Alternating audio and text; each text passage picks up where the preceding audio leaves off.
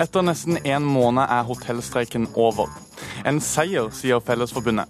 Vi måtte gi oss på det viktigste punktet, innrømmer NHO.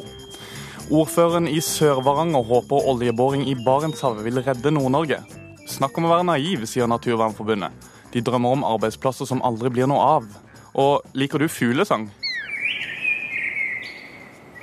Fra og med neste år kan det bli lov å jakte på de små sangfuglene, og det opprører mange. Velkommen til ukeslutt. Jeg heter Daniel Eriksen. Vi skal også debattere om det er greit å sole seg toppløs, men først. I natt ble hotellstreiken avblåst etter nesten én måned. Mellom 700 og 800 bedrifter har vært ramma. Det betyr at 7200 hotell- og restaurantansatte må tilbake på jobb for en halvtime siden. Men det gjør de nok med et smil om munnen. For Jørn Eggum, forbundsleder i Fellesforbundet, du kaller dette en seier. Eh, hvorfor det? Fordi vi har fått eh, innfridd det som var vårt viktigste krav, nemlig retten til at våre medlemmer skal forhandle lønn lokalt på, på sine bedrifter.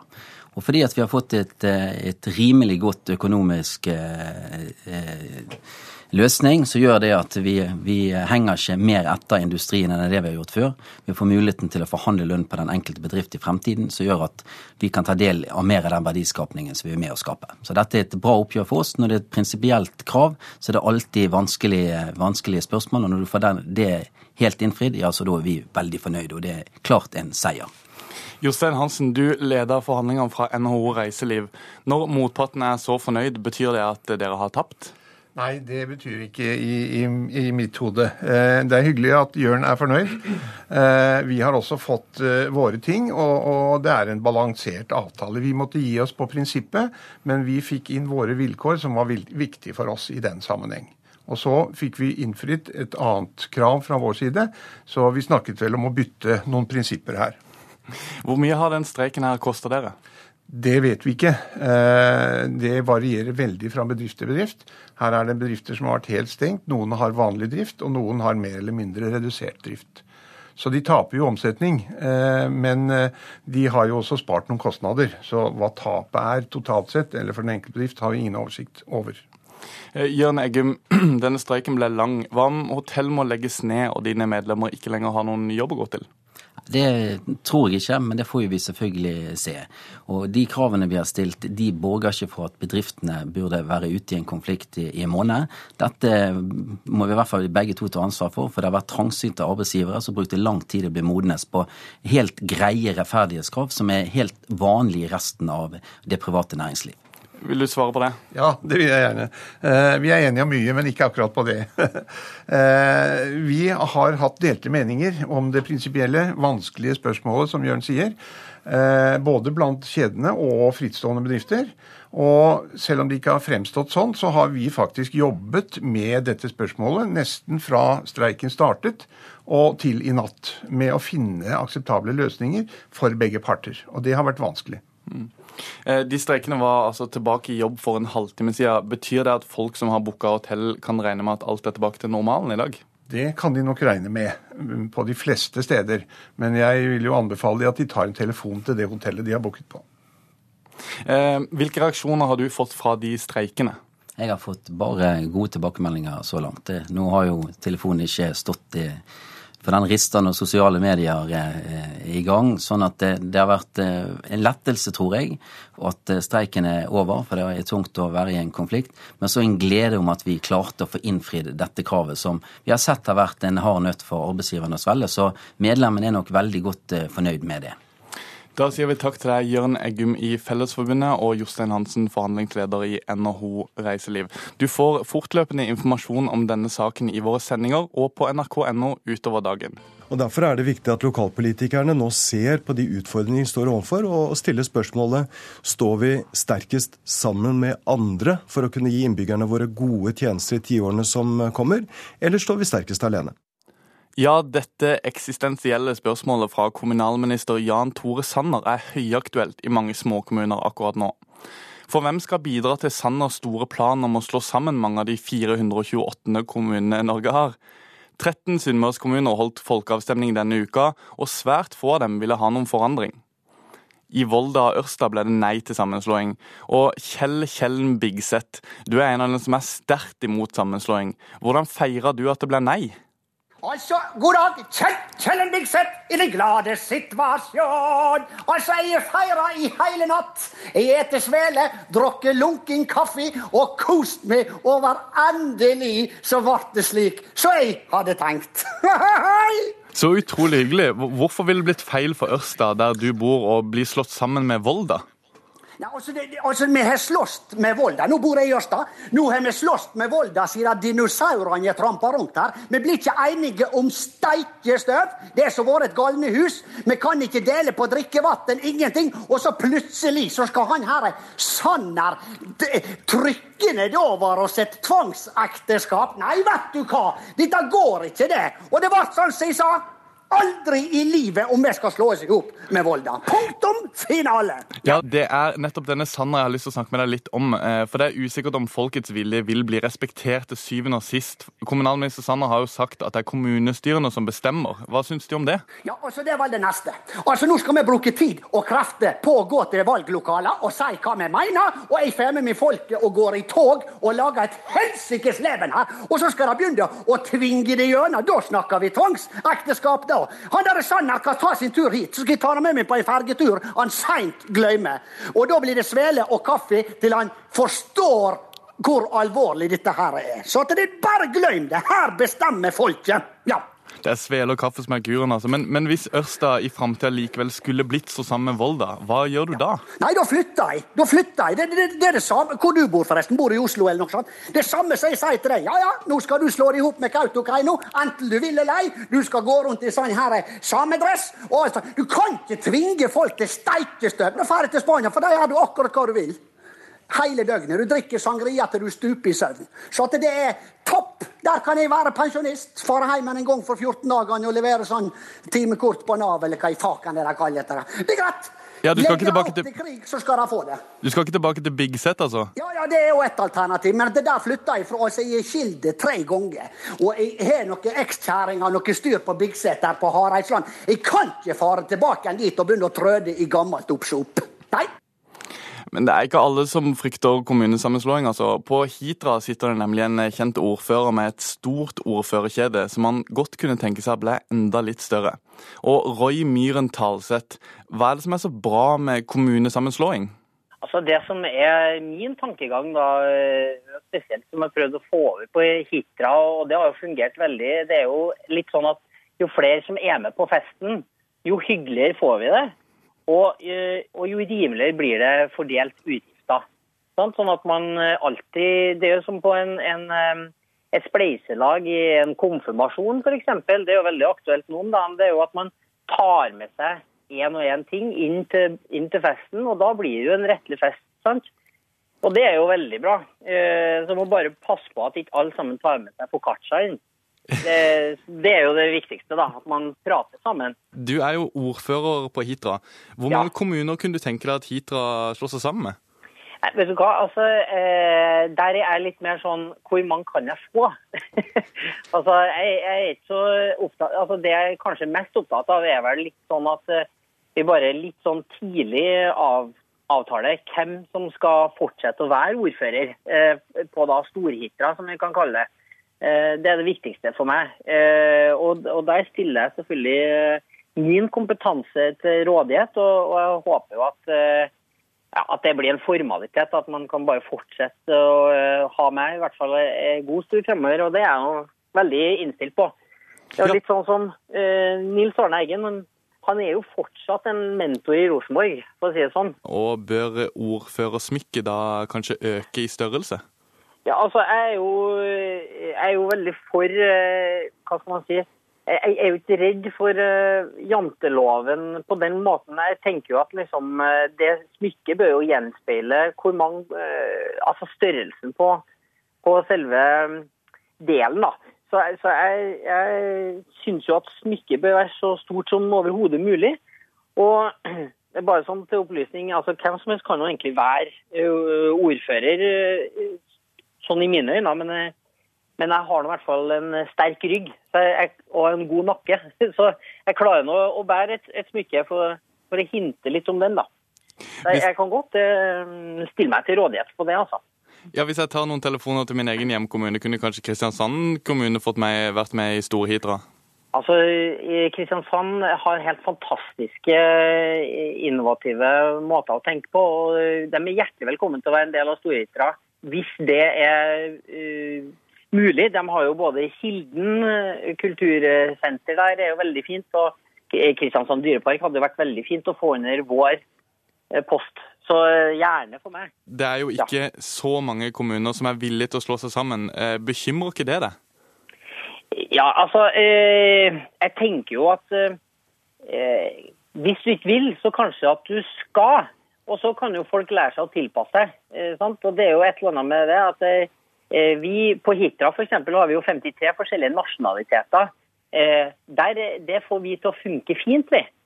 Sånn at Der tror jeg det egentlig er mer det at bli en del av Storhitra, og du kommer ikke til å angre på det.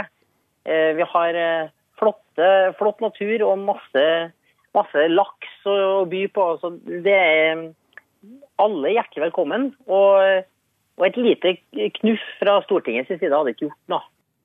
Det var jo veldig hyggelig å høre. Takk til deg, Roy Myhren Talseth, også kjent som komiker Jon Brungot. Og så må vi også takke Thomas Riste, som spilte Kjellen fra Ørsta. Se for deg en ung, vakker kvinne med langt, krøllete hår ved siden av en gigantisk sykkelpokal på forsiden av et magasin. Tittelteksten er som følger En vakker premie. Men hva er det egentlig da som er premien? To sykkelfantaster har sett seg lei på det de kaller sexisme forkledd som sykling, og tar et oppgjør med både arrangører og redaktører i Dagbladet denne uka. Ukesluttsreporter Linn Beate Gabrielsen møtte en av dem på sykkeltur. Ingeborg Gribu liker å sykle fort og langt. Altså det aller første sykkelløpet jeg så, da var jeg seks år gammel og ble dratt med av pappa ut på Ryenberget for å se på VM. Eh, I regn og vind. Og da kom de forbi opp flere ganger. Jeg skjønte jo ikke da at, det var, at de sykla runder nede i, i, Oslo før de kom opp. Men, så jeg ble stående der og se på. Å, her kommer de i kjempefart. Eh, og sykkel-VM i Oslo 1993. Så det det, det gjorde inntrykk, ja.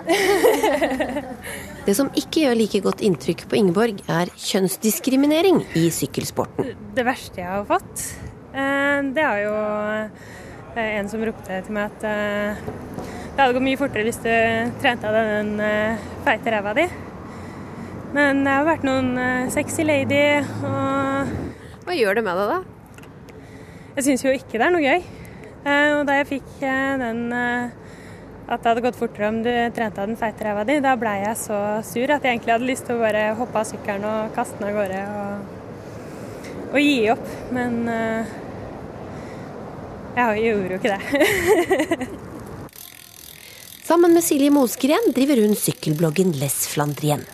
Der slår de ned på alt fra styreteipreklamer, hvor teipen er surret rundt puppene i stedet for sykkelstyret, til sykkelmagasiner som publiserer bilder som f.eks. et av en dame i rosa volangtopp som gir en pizza til syklisten Tom Dumoulin under Giro d'Italia, med teksten 'Mye snadder i Italia'. Sånn som bildet er satt opp, så føler jeg at det snadderet i dette tilfellet kan vise både til hun dama som overrekker den pizzaen, og til pizzaen. Vi har satt oss under fargerike vimpler og lenker med sykkelcapser på sykkelkafeen Peloton i Oslo med en bunke sykkelblader. Vi kan vise hvordan eh, det britiske Cycling News har valgt å publisere samme bilde. Så har de klippet bort dama, og så har de bare Tom Dumoulin som får den pizzaen. Og da skriver de pre-race carb loading, altså at han trenger mange karbohydrater for å holde ut den etappen i, i Giro det er samme bilde, det er samme fotograf som har tatt det, men det er to blader som har valgt å framstille det veldig annerledes. En av redaktørene, Kjetil Rakkenes Anda i Sykkelmagasinet, forsvarte bildebruken i Dagsnytt 18. Men når det kommer til disse to bildene som de først viser til i sin blogg, i tillegg til det tredje som nevnes her i dag, så, så vil ikke vi si at det er noe sexistisk i det hele tatt. Vi skjønner veldig godt at det reageres, men, men vi vil ikke være med på at det er sexistisk. Er det dere som ser bildene med vrange briller? Jeg vil jo si at den, de har dratt den humoren veldig langt. Og de prøver gang på gang å si at det er humor. Men det er noe med den gjentagende eh, latterliggjøringa eller objektifiseringa på kvinners bekostning. Hadde det vært én gang, så kunne man kanskje ha laget en diskusjon rundt at OK, vi skal ikke gjøre det igjen. Men når de da sier at ja, vi kommer ikke til å forandre noe på vår eh, måte å publisere på, så sier de at de syns det er helt greit. Innerst i lokalet smøres kjeder, og det skiftes slanger og girvaiere. Vi ber de sykkelinteresserte gjestene om å tolke hva som er snadderet i bildet. ja, dette er jo Italia, ikke Norge, ikke sant. Og der er det litt annen kultur. Så, hva er snadderet her? Jeg er veldig glad i pizza, men det var en pen dame også. Egentlig så er det pizzaen, og så er det vel egentlig hun dama. Eh, som et mer sexsymbol enn i forbindelse med sykkel og ja, kvinner skal sykle eller noe sånt. Anita Valen er med i hovedfeltet, har kjørt veldig bra, men det er en kanadisk Tidligere syklist Anita Valen reagerer ikke på bildene. Hun synes både de og damene er flotte. Den er damer i flotte kjoler og flott å se på, så jeg tenker ikke noe spesielt på det. Det er noe som hører idretten til. Det er en tradisjon. Det forbindes med sykkelsporten. Mye snadder i Italia. Jo, eh, jeg ser jo ironien i det, da. Det er jo faktisk ganske morsomt. Så kan man tolke det som man vil. Ja, Hva skulle du ønska deg, da? Som, ja. Eh, Nei, altså, jeg har jo kjørt veldig mange løp eh, opp gjennom årene og fått eh, blomster og diverse ting av podiedamer. Um, men jeg skulle vel ønska meg at vi hadde hatt noen, hatt noen, hatt noen tøffe karer på podiet der. ikke sant? Det syns jeg egentlig hadde vært veldig ålreit. Og jeg vet det at det er enkelte som har det, sånn som, eh, sånn som etappeløpet i, i, i, Norge som har gått nå de siste årene, som starter i Halden for kvinner. Der hadde de podiegutter som var staute og i uniformer, og det ble tatt veldig godt imot.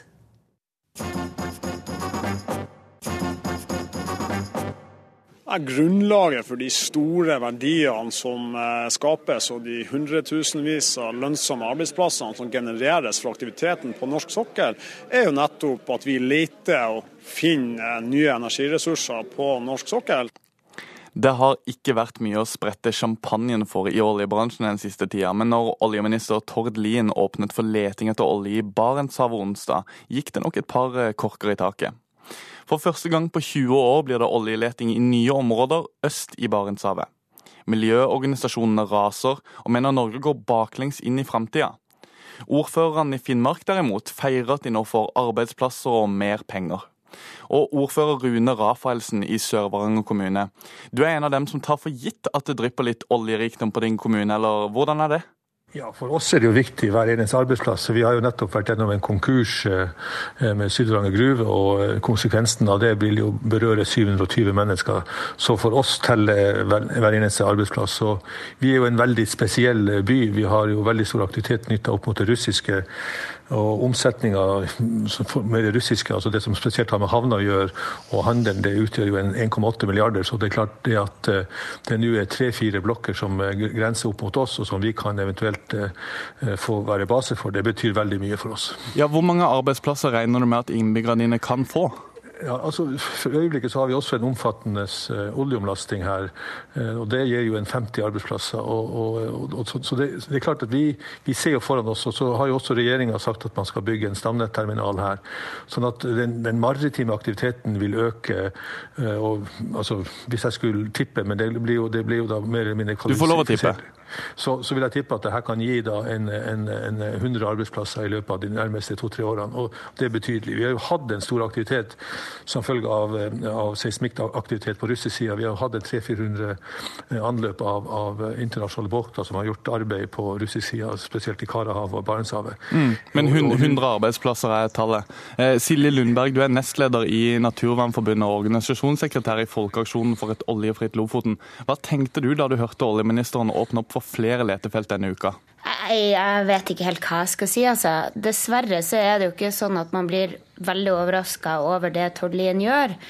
Men det som er utfordringa, er jo at vi gjør det her i 2016, bare noen knappe måneder etter at verdens ledere var samla i Paris og ble enige om at verdens klimagassutslipp skulle reduseres.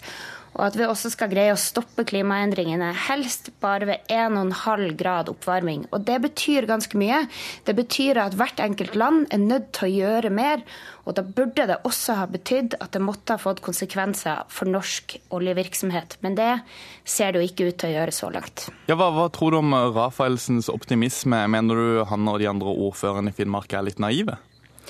Altså, jeg er jo litt redd for at man er det. og Det er jo ikke noe sånn at man så Helt klart, eh, Snaututbygginga ga Nord-Norge mye. Men eh, du skal jo ikke lenger tilbake enn i januar for å se at Finnmark Arbeiderparti gikk veldig sterkt ut mot Statoil.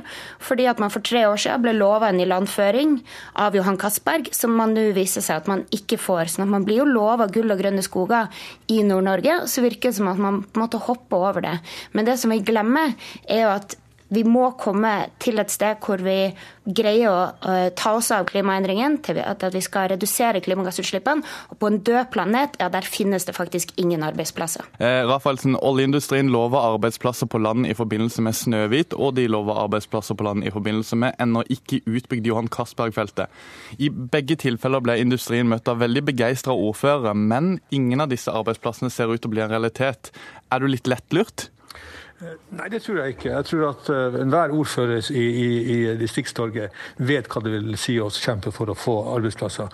Og det her, uh, du kan si Oljenæringa har jo ca. 200 000 ansatte, og det betyr jo enormt mye. Og, og du kan si altså, Når du ser på IEA sine analyser, så vil også i 2050 en tredjedel av verdens energimiks være petroleum, olje, gass osv. Så sånn uh, det er klart at vi må jo kjempe for å få mest mulig igjen.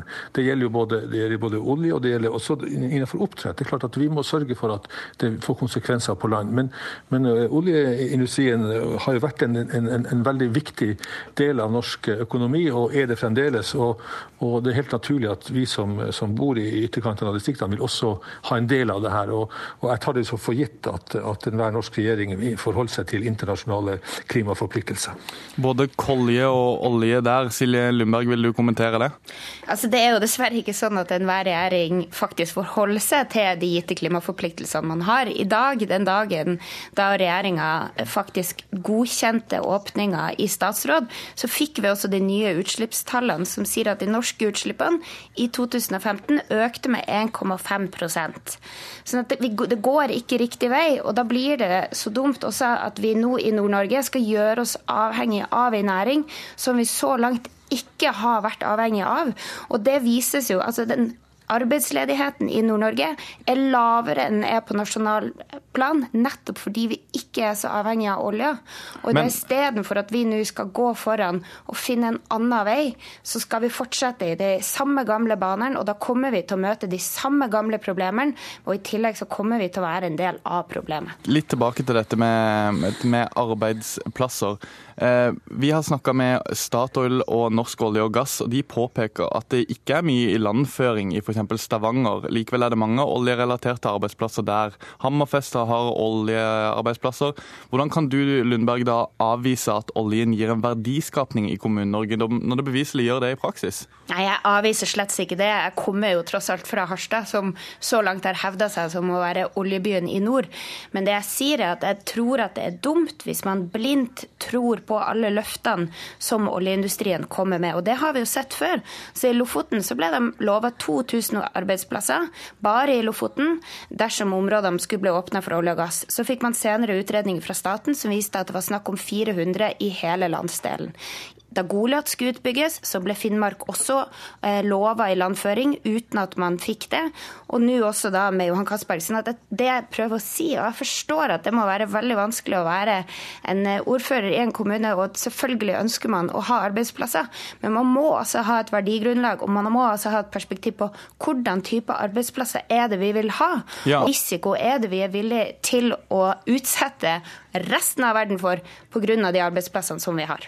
Jeg forstår. Rafaelsen, det er mye snakk om det grønne skiftet, og det er en voldsom økning i antall prosjekter med fornybar energi. Eh, hvorfor skal vi da sette alt inn på olje? Blir ikke det litt som å satse på et nytt fasttelefonnett nå som alle har mobil? Nei, altså, det, Man setter jo ikke inn alt på olje. Jo, man, man, må jo ha en differensiert eh, energimiks. Men, men, det er klart, vi må gjøre masse ting når det gjelder energiøkonomisering. Eh, vi må, vi må også ha kraftig vekst på fornybar. Vi må jo også gjøre, sørge for at olje og gass, at bruken av det blir så, blir så blir bli så effektivt som mulig. Og så må vi selvfølgelig også jobbe med, med, med karbondioksidfangst. Så, så, så, vi må gjøre uh, veldig mange ting. Men det som, det som IEA, altså de som, som sier, det, det sier at altså, en tredjedel av verdens energimiks i 2050 vil være olje og gass. Og da, jeg mener at da kan Norge være en del av bidraget. Altså, den norske produksjonen i dag er i Ja, underkant av 2% av verdens eh, produksjon når det gjelder olje og gass. Og vi har også en, en veldig sikker og en trygg og, og, og, og god eh, sånn, produksjon av olje og gass. Så jeg syns det er fornuftig at vi bruker den teknologien. Og for meg som ordfører i, i, sånt, eh, altså i den nordøstligste delen av Norge, så er det viktig at vi har en differensiert næringsstruktur. Altså, vi er opptatt av å utvikle fiskerinæringene som, som vi nå kommer til å, til å prioritere. Og, og, med handel, altså med, med russisk aktivitet. Og da er olje og gass en, en naturlig del for, for, for vår næringsstruktur. Lundberg, Lundberg skal, du skal få lov til å svare på det. Vi, vi lever jo tross alt av olje i Norge. En fjerdedel av inntektene til den norske stat kommer eh, derfra. Det gjør det, og da burde vi jo være skrekkelig bekymra også for hva er det vi skal leve av da når den olja tar slutt, eller når vi bestemmer oss for at det er på tide å fase den ut. Og der er det jo Én ting er hva Det internasjonale energibyrået sier. De legger jo til grunn bare en 50% sannsynlighet for at vi skal kunne nå togradersmålet. Men det FNs klimapanel sier, er at dersom vi skal ha god margin til å nå togradersmålet, og da må vi huske at nå har verdens ledere sagt at vi skal ned på 1,5, altså ikke bare to. Da må nærmere 80% av alle de kjente fossilreservene bli liggende i bakken. Da sier det seg sjøl at det også må få konsekvenser for norsk olje og gass. Og i Barentshavet sørøst, det området som nå har blitt åpna, der ligger altså 16 ganger Norge sine årlige utslipp. Under bakken der ligger 800 millioner tonn CO2. Og det skal vi nå begynne å ta opp i 2016. Det er helt vanvittig. Rafaelsen, er du villig til å avstå eh, bare for miljøets skyld? Nei, altså Jeg er eh, opptatt av miljøet, også, men jeg syns det er helt naturlig at eh, vi tar del i denne utviklinga, og at den norske olje- og gassindustrien er en, en, en sunn og, og, og, god industri. Selvfølgelig, Alt dette vil jo følge siden ta slutt, man vil fornye energiformer, men sånn som situasjonen er nå, så mener jeg at det er riktig å ha, ha en åpning i Barentshavet sørøst. Du skal få et enkelt dilemma på, eller et vanskelig dilemma med to enkle svar. Arbeidsplasser eller miljø? Begge deler. En liten Ole Brumm der fra Rune Rafaelsen i ordfører i Sør-Varanger kommune. Takk for at du kunne være med. Takk til deg også, Silje Lundberg, nestleder i Naturvernforbundet. Du hører på Ukeslutt. Fortsett med det, og få med deg at fra neste år så kan det bli lov å jakte på de små sangfuglene. Trost er kjempegodt, synes viltkokk Charlotte Moen Gaustad. Det er ikke greit å få en pupp i fjeset på et offentlig sted, synes Juliane Nygaard. Men se en annen vei, da, svarer bloggeren Fittfager. Og ukeslutt er selvsagt prega av Astrid Gunnestads bortgang. Du får høre noen høydepunkter med henne etter hvert. Først og fremst vil jeg jo gratulere svenskene med en prinsesse fra Paradise Hotel. Fra og med neste år kan det bli lov å skyte den fuglen du hører her. Det høres kanskje ut som et forslag som kunne kommet fra formann Mao i Folkerepublikken Kina på 50-tallet, men det er faktisk Miljødirektoratet som nå åpner opp for jakt på måltrost og svarttrost. Og det er det ikke alle som er så fornøyde med. For hvorfor i alle dager skal man skyte ned disse små pip-pipene som spiser på fuglebrettene våre og leter etter meitemark på plenen om sommeren? Det ville ukesluttrapporter Torkild Thorsvik finne svaret på. Det kommer såpass langt ut på sommeren at det er ikke trosten som utgjør hoveddelen av lydbildet. Langt inne i skogen Den grønne trasker vi på en traktorsti ved et hestebeite på Nesodden. Her er måltrosten langt baki. Jan Erik Røer skiller enkelt skogens lyder fra hverandre. Svarttrosten synger mer i moll, litt lange utdratte, mens måltrosten repeterer temaene sine.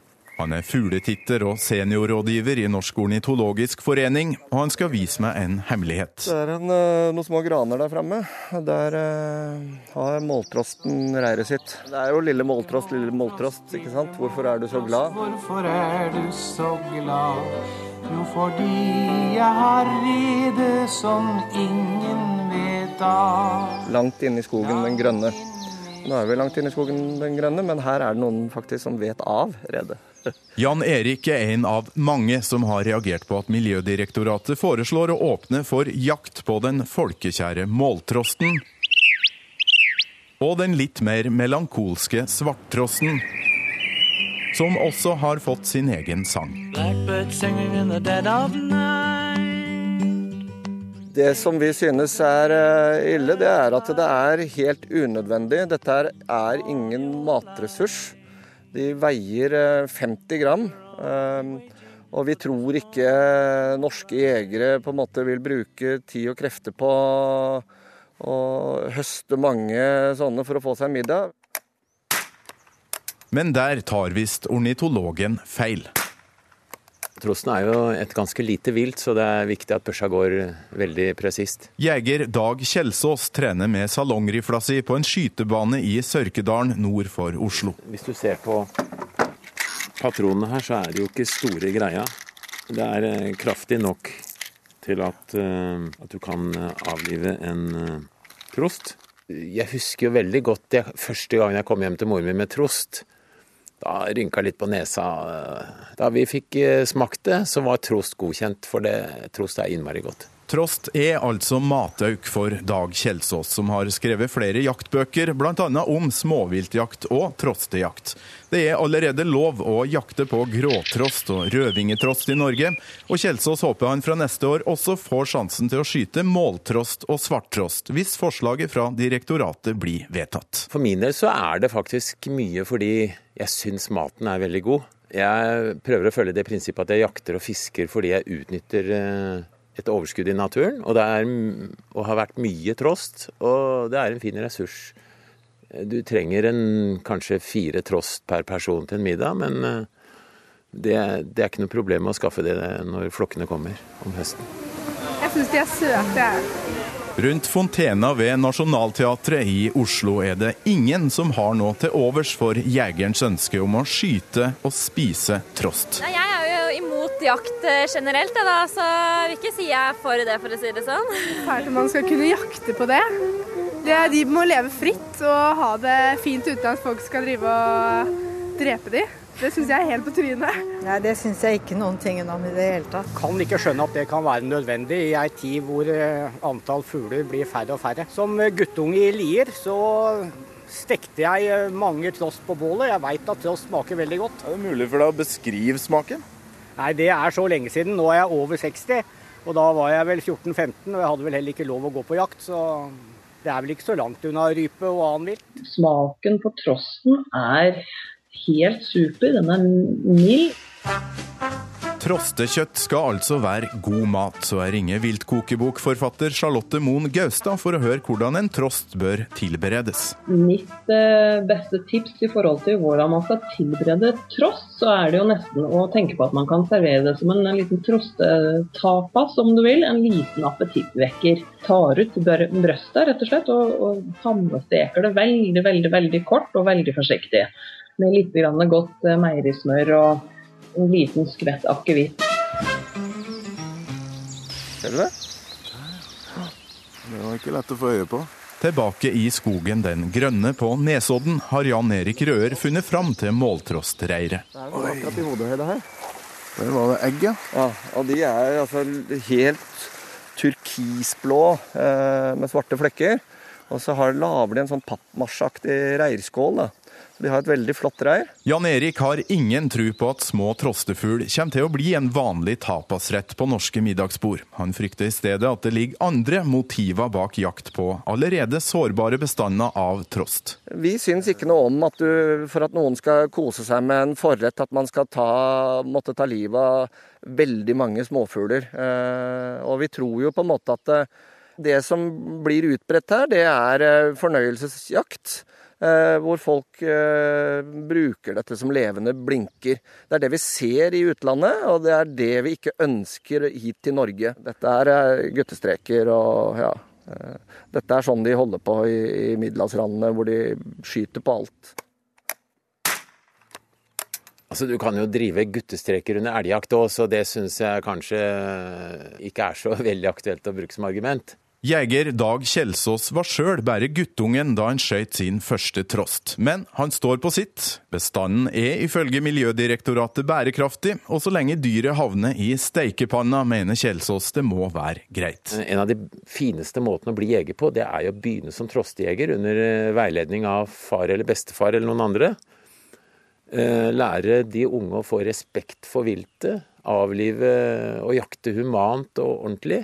Og så brukes det jo argumenter som at trosten synger pent, men altså, hvis du tar mikrofonen din opp til små kyllinger, da, så, så piper de vakkert, og de er flotte de òg, men vi spiser dem. Og det står jo til og med i Bibelen at vi skal utnytte naturen og overskuddet osv., så, videre, så jeg, jeg ser ikke noe feil i det. Langt inn i skogen Nå over til noe helt annet.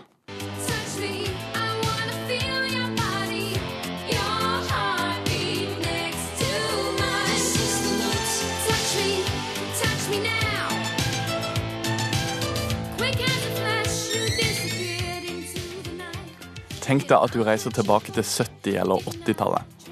Du er på stranda, og rundt deg går solbrune kvinner med struttende, bare pupper for å unngå skille. Denne trenden forsvant jo litt, og nå er det helt uaktuelt for mange å kaste bikinitoppen. Men ikke for alle. Svenske Cassandra Selland fikk merke naboenes vrede da hun satt og solte seg toppløs i sin egen stue. Nå går debatten både i Norge og Sverige om det er greit å slippe puppene fri. Og det syns ikke du, Julianne Nygaard. Du kaller deg pilotfrue og blogger for Nettavisen. Du har i flere innlegg oppfordret kvinner til å pakke inn puppene. Eh, hvorfor det? Ja, det stemmer. Jeg syns eh, ikke det er greit at eh, kvinner kaster toppen på offentlige badestrender, nei. Um, grunnen til det er at jeg syns vi skal vise hensyn til menneskene rundt.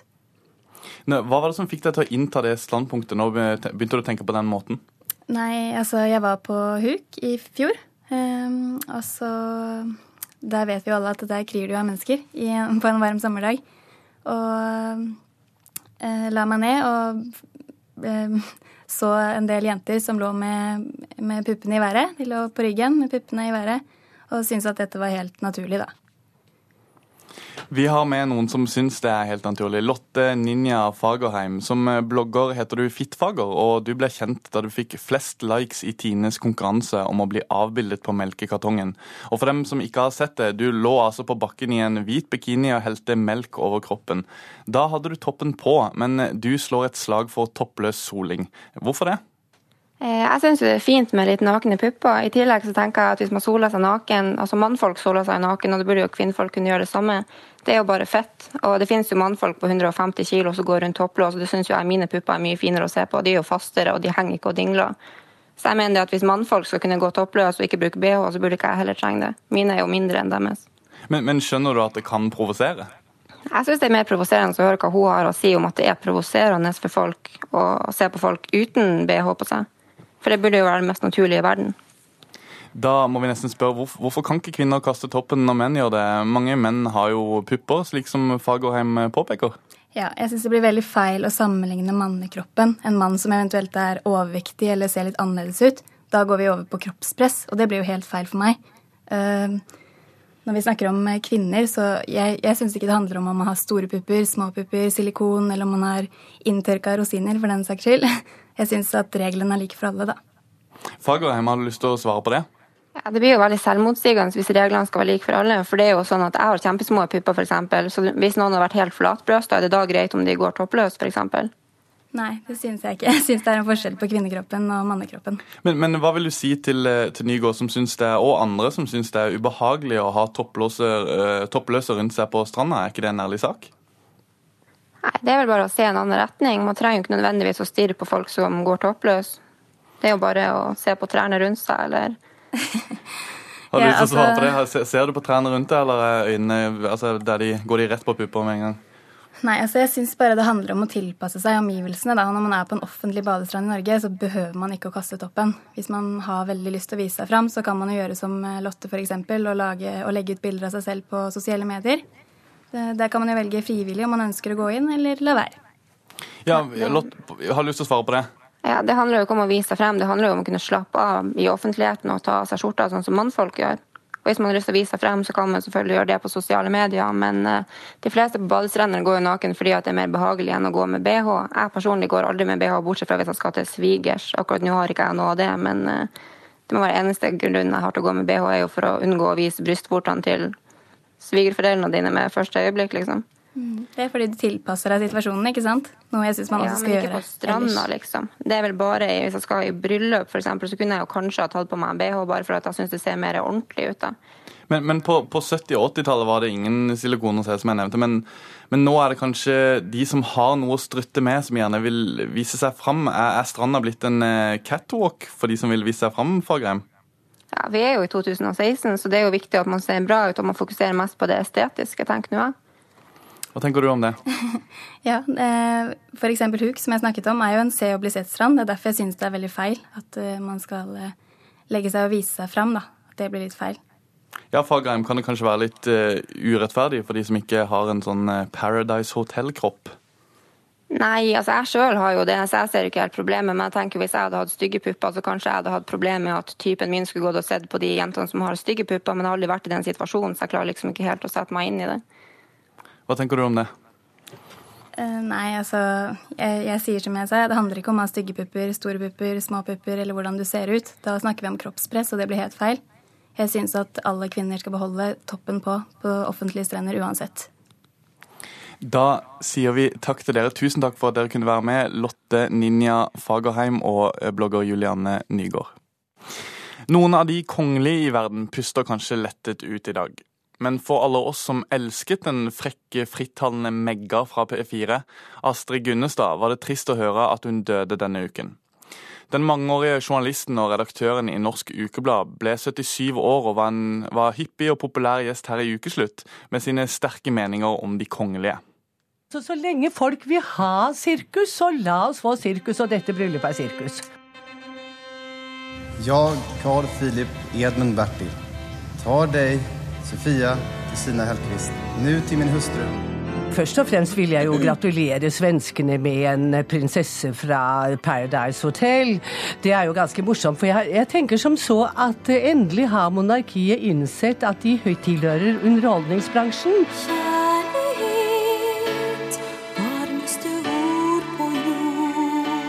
Monaco det er jo et bitte lite fyrstedømme. ikke sant? Det er under 8000 monegaskere, så det er et veldig gjennomsiktig samfunn. Og de gangene jeg har vært der nede, og jeg har vært der nede mange ganger og snakket med mange, og jeg lytter med glede til sladder, og de mener jo at han egentlig foretrekker menn, og jeg syns mye tyder på det. Og kroppsspråket mellom de to, det tyder ikke på noe lidenskap, altså. Jeg trodde englene fanns bare, bare da vi, altså, vi må jo liksom skille mellom det Märtha åpenbart snakker om, og det er jo den type engler som er beskrevet i Bibelen, og det at vi sier når jeg sier til deg du er en engel fordi du har gjort noe hyggelig. Og det er jo sånn jeg oppfatter det når de snakker om kongefamilien, da, at Märtha er en engel. Og hun ser jo riktig snill ut også, så, så, det å si det om henne, men det å tro at hun er en engel à la de englene som, som man finner og skriver om i Bibelen, da det blir jo helt på trynet, efter min mening. Da, da har jeg mer sjanse for Åge Samuelsen som snakket direkte med Gud, vet du. Han sa at Vår Herre sa til meg at, at du må skaffe deg en ny bil, Åge, fordi at når, du, når, bilen din bryter sammen og du kommer for seint til møtene, er det meg det går utover. Så den er jo liksom hakket litt lenger enn en Märtha, men den gangen da han sa det, så lo jo alle av ham. Men nå er det jo plutselig akkurat som alle, og venter jeg bare at folk skal si at de tror på julenissen også. Jeg trodde englene fantes bare, bare i himmelen jeg har faktisk lest en del bøker om okkultisme, og det er veldig vanskelig å bli klarvoajant og alt det der. Må, da må du meditere, og da må du be, og da må du studere, og da må du være litt eh, asketisk nærmest, og det har ikke jeg nødvendigvis inntrykk av at Märtha er. Så, men derimot så fikk jo hun dette her via å snakke med hester, da. Dypkontakt med hester, og så jump over til engler, og det syns jeg også var veldig rart, for det er nemlig aldri blitt beskrevet i litteraturen om engler. No.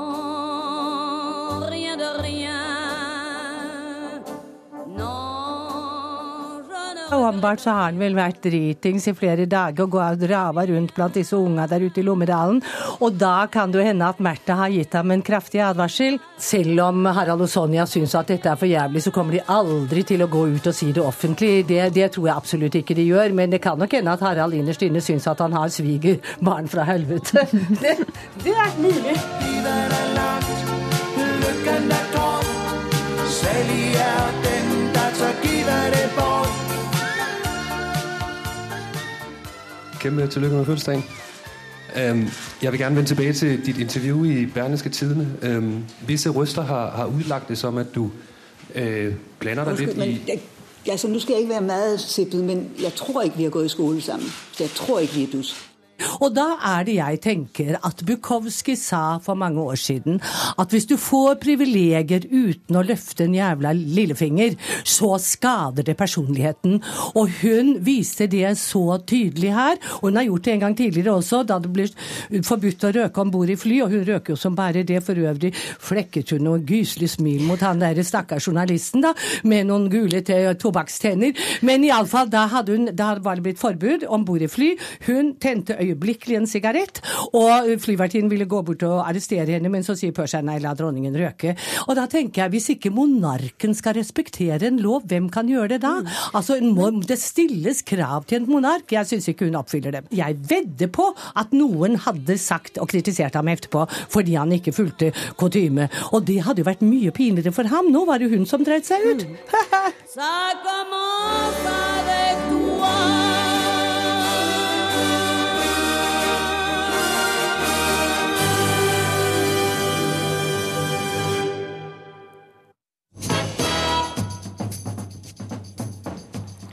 Det var det fra oss i Ukeslutt denne uka. Ansvarlig for sendinga var Kari Li. Teknisk ansvarlig var Erik Eirik Sandbråten, og i studio satt jeg, Daniel Eriksen.